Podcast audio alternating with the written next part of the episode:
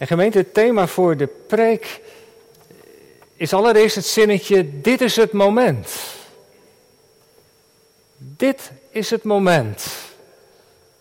En daartussen haakjes, ook wel belangrijk, dat God ons geeft. Over die voorzienigheid van de Heere God, hoe Hij alle dingen in zijn handen houdt. We zullen zien dat de geschiedenis van Esther best actueel is.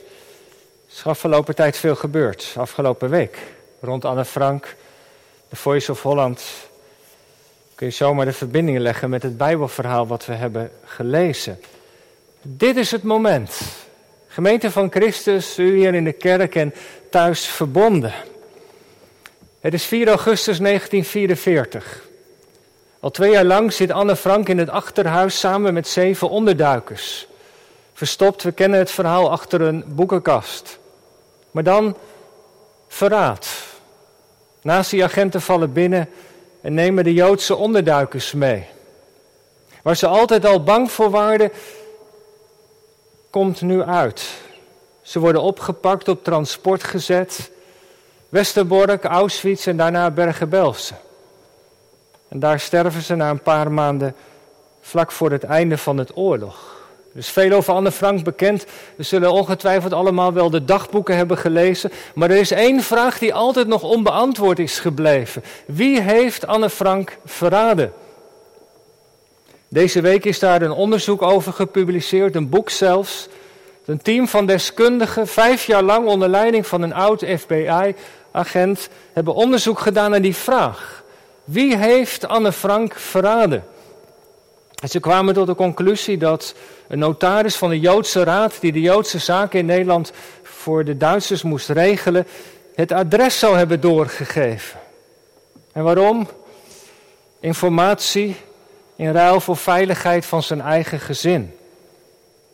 Maar u heeft het waarschijnlijk wel gelezen, ook die conclusie kwam onder kritiek te staan. In de kranten, sociale media, het bewijs is veel te dun. Eén briefje om zo'n iemand de schuld in de schoenen te schuiven, dat is eigenlijk te weinig. We zullen het waarschijnlijk wel nooit precies allemaal weten. Maar wat mij trof in de verslaggeving bij de NOS, dat een van de onderzoekers dit zei. Hij zegt, toen we bezig waren met dat onderzoek, was er één vraag die steeds weer door ons hoofd speelde. Wat zou ik in deze situatie doen? Zou ik mijn leven in de waagschaal stellen door niets te vertellen, of zou ik juist wel iets zeggen? Zou ik wel een adres van iemand doorgeven om zelf vrij uit te kunnen gaan? we kennen verhalen van mensen die met gevaar voor eigen leven in de Tweede Wereldoorlog zich hebben ingezet voor onderduikers en voor Joodse mensen. We weten ook dat lang niet iedereen de moed had om dat te doen. Want wat zou u, wat zou jij doen? Als het vuur je na aan de schenen wordt gelegd, als je leven gevaar loopt, zou je dan de waarheid durven spreken? Zou je dan zwijgen? Zou je namen noemen? Het is een vraag die, die vandaag heel actueel is. Ik las van de week van de christen in Afghanistan dat iets dergelijks hen overkomt. De Taliban gaat de huizen langs met de vraag of ze, ben je christen of niet? En als je dat antwoord, als je positief antwoord geeft, dan word je uit je huis gehaald en neergeschoten. Een vraag die de broeders en zusters van de vervolgde kerk allemaal ook kennen. Wat zou jij op zo'n moment doen? Zou je kleur bekennen of niet? Het is deze vraag die vanmorgen centraal staat. Want Esther staat namelijk voor de keuze. We hebben gelezen dat het lot geworpen is door Haman. Er is een gruwelijk plan gemaakt. Over elf maanden moeten alle Joden in het grote Persische Rijk worden uitgeroeid. Het is een verschrikkelijke boodschap die door het hele land is gegaan. De stad Susan hebben we gelezen, is in verwarring, maar dat geldt eigenlijk voor het hele land. In vers 3 lezen we dat. Er is onder de Joden rouw, grote verslagenheid. Mensen gaan vasten. Ze beseffen dat hun laatste uur is geslagen. En zo ook Mordechai. Heeft zijn kleren gescheurd, hij heeft as op zijn hoofd gegooid en zo loopt hij door de straat, luid klagend en kermend. Het kan toch niet waar zijn? En je ziet als het ware in die persoon van Mordechai, die door de straten van de burg Susan loopt, van de stad Susan, de rouw van een heel volk. En Esther, het komt haar ter oren. Ze stuurt een van haar dienaren naar Mordechai. Ze vraagt Mordechai, wat is er nou eigenlijk precies aan de hand? Ze wil weten wat er speelt en blijkbaar leef je in het paleis in een bubbel, los van de werkelijkheid. En dan vertelt Mordechai wat er is gebeurd over die wet die is uitgevaardigd. Hij geeft haar zelfs een kopie van de wet. Hij zegt, Esther, dit is de situatie. Het gebod is uitgevaardigd. Over een jaar zullen we er niet meer zijn. Ga naar de koning. Smeek hem om genade. Pleit voor je volk. Want als je dat niet doet, dan zullen wij allemaal omkomen. En denk niet dat jij de dans zult ontspringen. Ook jij. En Esther sput er tegen. Ja, maar als ik zomaar bij de koning binnenloop, dan betekent dat mijn dood. Zo werkt het hier aan het hof. Alleen als hij iemand een scepter toereikt, dan blijf je leven. Maar ik ben al dertig dagen niet bij de koning geweest. Esther is bang. Bezorgd voor haar leven. En hoe kan het ook anders, hè? Als Joods meisje, als vrouw, in de macho-cultuur, waar alles draait om macht, is moed voor nodig. Heel veel moed. Alle seinen staan om zo te zeggen op rood. Wat doe je dan? Spelen met je leven. En dan klinken de woorden van Mordechai vers 14. En die vormen een keerpunt in het leven van Esther. Een keerpunt in het boek Esther. Wie weet, zegt hij, of je juist niet met het oog op deze tijd koningin geworden bent. Wie weet, Esther, is dit het moment? En deze zin van Mordechai wordt voor Esther tot roeping. Wie weet, ben je hier nu juist op dit moment? Wie weet, is dit het moment? En het zijn die woorden die bij Esther binnenkomen. En Mordechai noemt de naam van de Heere God niet. Hij laat het open. Esther kan zelf haar conclusie trekken, maar het is wel indringend. Hij zet voor haar alles op scherp. Esther wilde hem, toen hij zo aan het rouwen was en klagen, wilde hem een set nieuwe kleren geven, zodat hij niet langer in de stad zou opvallen, zodat hij zou ondergaan in de anonimiteit, maar dat, dat wil hij niet. Mordechai pleegt verzet. En die doet een appel op Esther.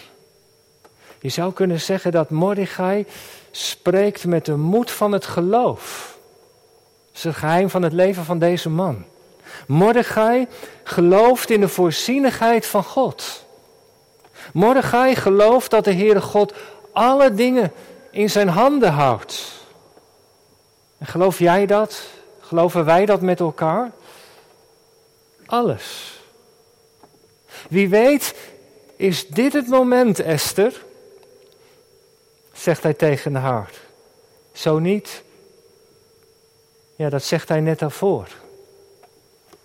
Als jij zwijgt, zal er vanuit een andere plaats verlichting en verlossing voor Joden komen. Daar blijkt het geloof van Mordechai. Doe jij het niet, Esther, dan zal op een andere manier God wel voor ons zorgen is een stille verwijzing naar de voorzienigheid van God. Want God is God. Hij is de God van Israël. Hij is trouw aan zijn verbond. Hij is machtig. Maar voor jou zal het niet goed aflopen. Esther, dit is het moment. Sta op. Gemeente, ik kom hier nog op terug, maar, maar hier draait het natuurlijk om. Ook voor ons. Dat wij op een beslissend moment weten, in en met ons hart, dit is het moment. Ik kan niet langer zwijgen. Dit is wat God van mij vraagt. Daarom ben ik hier op deze plek. Daarom zit ik in deze positie met die verantwoordelijkheid. En soms is het nodig dat iemand dat tegen je zegt. Je bent daar niet voor niets, hè? Nu op dit moment. En dat het dan bij je binnenkomt. Door de geest, inderdaad. Ik kan niet doen of ik niks gezien heb. Ik kan niet doen of ik niks. Of ik het zomaar over mijn kant kan laten gaan. Wegkijken is geen optie. Nee, het is niet voor niets dat ik op deze plek zit. Dat ik die persoon heb ontmoet. Dat ik hier ben. Ik voel een roep op mij afkomen. En gemeente, daar is wel moed voor nodig. Moed om op te staan, om klokkenluider te zijn. Om bij de koning op audiëntie te gaan. Succes is niet verzekerd. Dat is het spannende van de vraag die naar Esther toekomt. Ik weet niet of u het nieuws heeft gevolgd rond de Voice of Holland. Grensoverschrijdend gedrag en seksueel misbruik. Van met name meisjes en vrouwen. Het programma van Boos is maar liefst 8 miljoen keer gezien. De reactie van de mediamagnaat zo teleurstellend daarna. Ja, dan hadden de vrouwen zich maar moeten melden. Maar ja, die veiligheid ontbrak om dat te doen. En dat is steeds weer het probleem. Er is zoveel moed voor nodig om te spreken. Stel je voor Esther. Ze is een wees. Zonder vader of moeder. Ze is opgevoed door haar oom. Ze wordt gedwongen om mee te doen aan een schoonheidswedstrijd. Ze komt terecht in een harem. Op een plek van machtsmisbruik en seksuele uitspattingen. Ze is de opvolgster van Vasti geworden. Maar wat denkt u, wat denk jij? Zal ze op haar trouwdag gestraald hebben van vreugde, van blijdschap? Mij heeft de koning uitgekozen. Mij heeft hij lief. Is dat de gelukkigste dag van haar leven? Nee, natuurlijk niet. Ze is al dertig dagen niet bij de koning geweest. Haar relatie met de koning is door angst omgeven. En dan toch in zo'n situatie is daar het woord van Mordechai. Ik zeg het verkeerd, het is het woord van God. Via Mordechai. In één keer alles bij haar openlegt. En gemeente, dat is toch ook de ervaring die wij soms hebben. Het kan zomaar soms gebeuren dat je op een bijbelkring zit of in de kerk. Dat er zomaar een woord naar je toe komt. Het is de voorganger die spreekt. Nee, het is de Heere God die dat appel doet op je leven. Een woord wat in één keer alles openlegt. Van iets wat je moet beleiden. Of in één keer een hele diepe troost en je kunt weer verder. Het is het woord dat alles bij Esther openlegt. Wie weet, ben jij nu hier? Juist op deze plek. Dit is het moment dat God je roept. En zo dringt dat bij Esther door. Gemeente, zo werkt de Heere God eigenlijk voortdurend. Hij brengt ons in een bepaalde positie. Hij zet ons op een bepaalde plek, misschien wel van verantwoordelijkheid, om, om via jou, via ons te werken. Als wij tenminste de roepstem verstaan. Dat is wel belangrijk, maar zo werkt de Heere God. Steeds weer. Ik moest denken aan het verhaal van Jozef. U kent het wel, hij was de lieveling van zijn vader, maar dat ging in dat gezin niet goed. De ruzie met zijn broers, hij is verkocht uiteindelijk. Dan komt hij in Potifar als, in het huis van Potifar als slaaf. Dan, dan krijgt hij uiteindelijk een positie van verantwoordelijkheid. En dan gaat het mis met de vrouw van Potifar. Dan komt hij in de gevangenis. Grote hoogte, hele diepe wegen. En uiteindelijk is hij de onderkoning van het land geworden. Een leven met hoogtepunten en dieptepunten. En als hij dan aan het einde van zijn, van zijn, van zijn leven zijn, zijn broers ontmoet, dan zegt hij dit tegen ze. God heeft mij voor jullie uitgestuurd om jullie leven te redden. En later nog een keer. God heeft mij voor jullie uitgestuurd om jullie voortbestaan op aarde veilig te stellen. dat is zo bijzonder. Dat je kijkt naar je leven, dat je terugkijkt met de ogen van het geloof en ziet van ja, maar, maar dat is de leiding van God geweest. Het is allemaal niet te vergeefs geweest. Daarom was ik daar op dat moment. En zo is het bij Mozes gegaan Later zit Obadje in het hof van de goddeloze koning Agab en God werkt via hem. Het zijn soms maar enkelingen. Maar steeds weer komt de roep van God naar ze toe. Dit is het moment. Daarom ben je hier.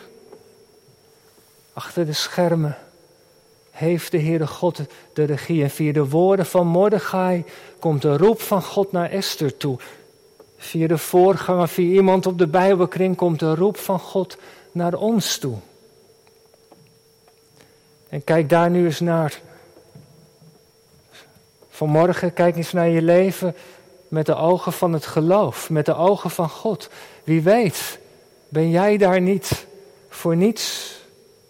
Wie weet is dit het moment om iets te zeggen of te doen. Het onrecht dat je ziet in je bedrijf. Het pesten in de klas misschien wel. Het, gedrag van iemand wat ongepast is. Dat je dat aan de orde stelt. Misschien is dit het wel het moment om te stoppen met die zonde in je leven. Waar je al zo lang mee worstelt.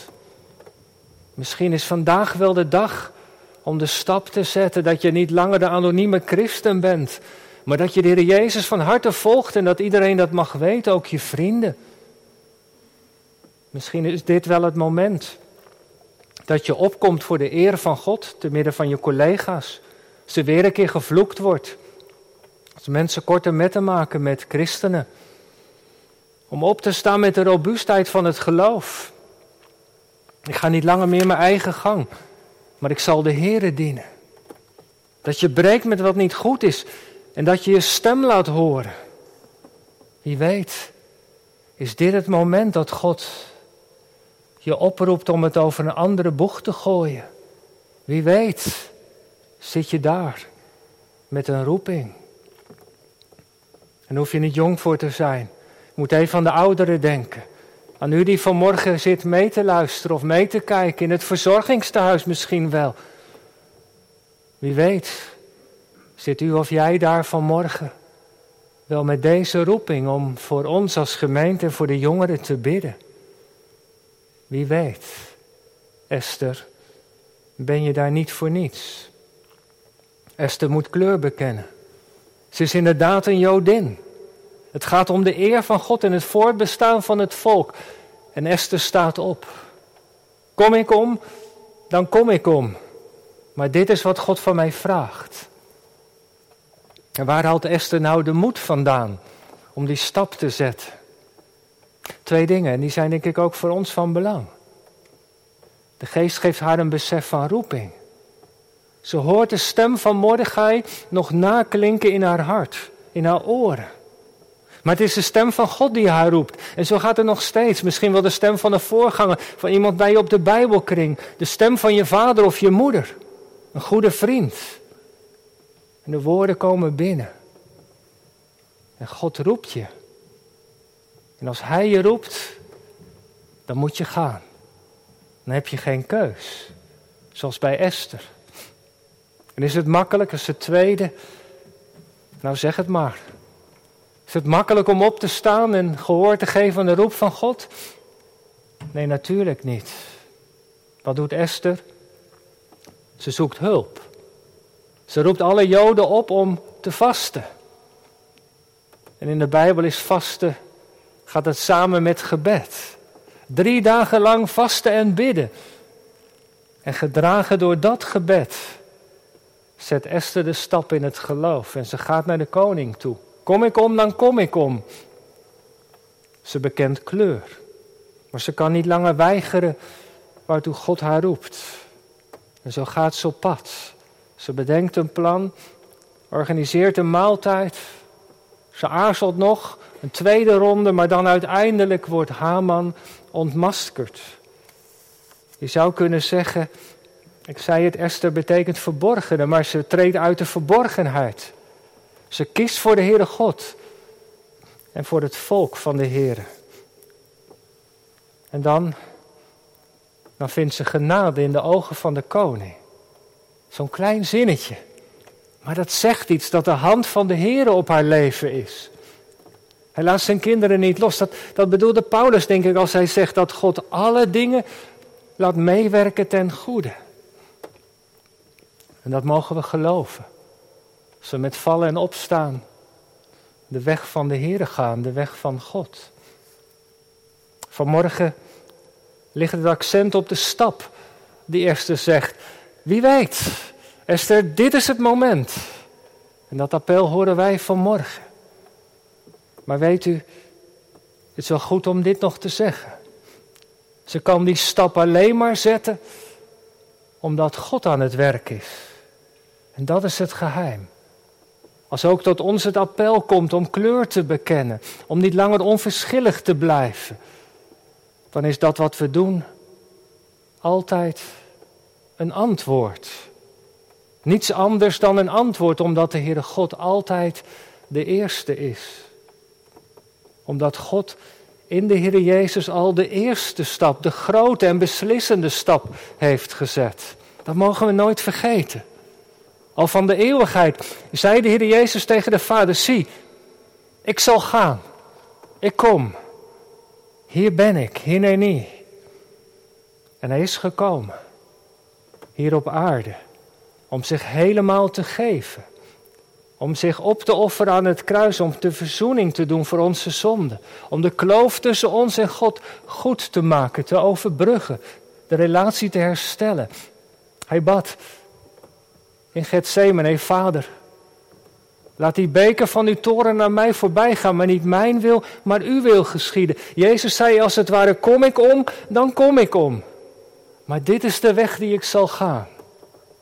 Want dit is de weg, de weg naar het kruis is de weg naar redding en leven. En dat is de grote en beslissende stap die onze heiland heeft gezet. Daar hangt al het andere van af. Het is het keerpunt in de geschiedenis van ons mensen. En wij, ja, wij mogen op onze beurt ook onze stap zetten. Kleine stap. In vertrouwen. In je dagelijkse leven, morgen weer als het maandag is. Te midden van je collega's op je werk. Te midden van je vrienden op de universiteit of op school. Misschien wel in de huiskamer. Een stap te zetten om kleur te bekennen. Om de Heer Jezus te volgen in wat goed en recht is. Om op te staan tegen het onrecht. Om je stem te laten horen. Om je handen te vouwen. En dat in het vertrouwen. Dat die voorzienigheid er is. Dat God alle dingen in zijn handen houdt. We hebben daarover gezongen. De Heer is zo getrouw als sterk. Hij zal zijn werk voor mij volenden, tot een goed einde brengen. Laten we in die lijn ook samen dan ook zingen. Het is een moment van toewijding. Nu, nu God die grote stap heeft gezet, mogen wij ook onze stap zetten. Neem mijn leven, laat het Heer toegewijd zijn tot uw eer. Dit is het moment. Amen.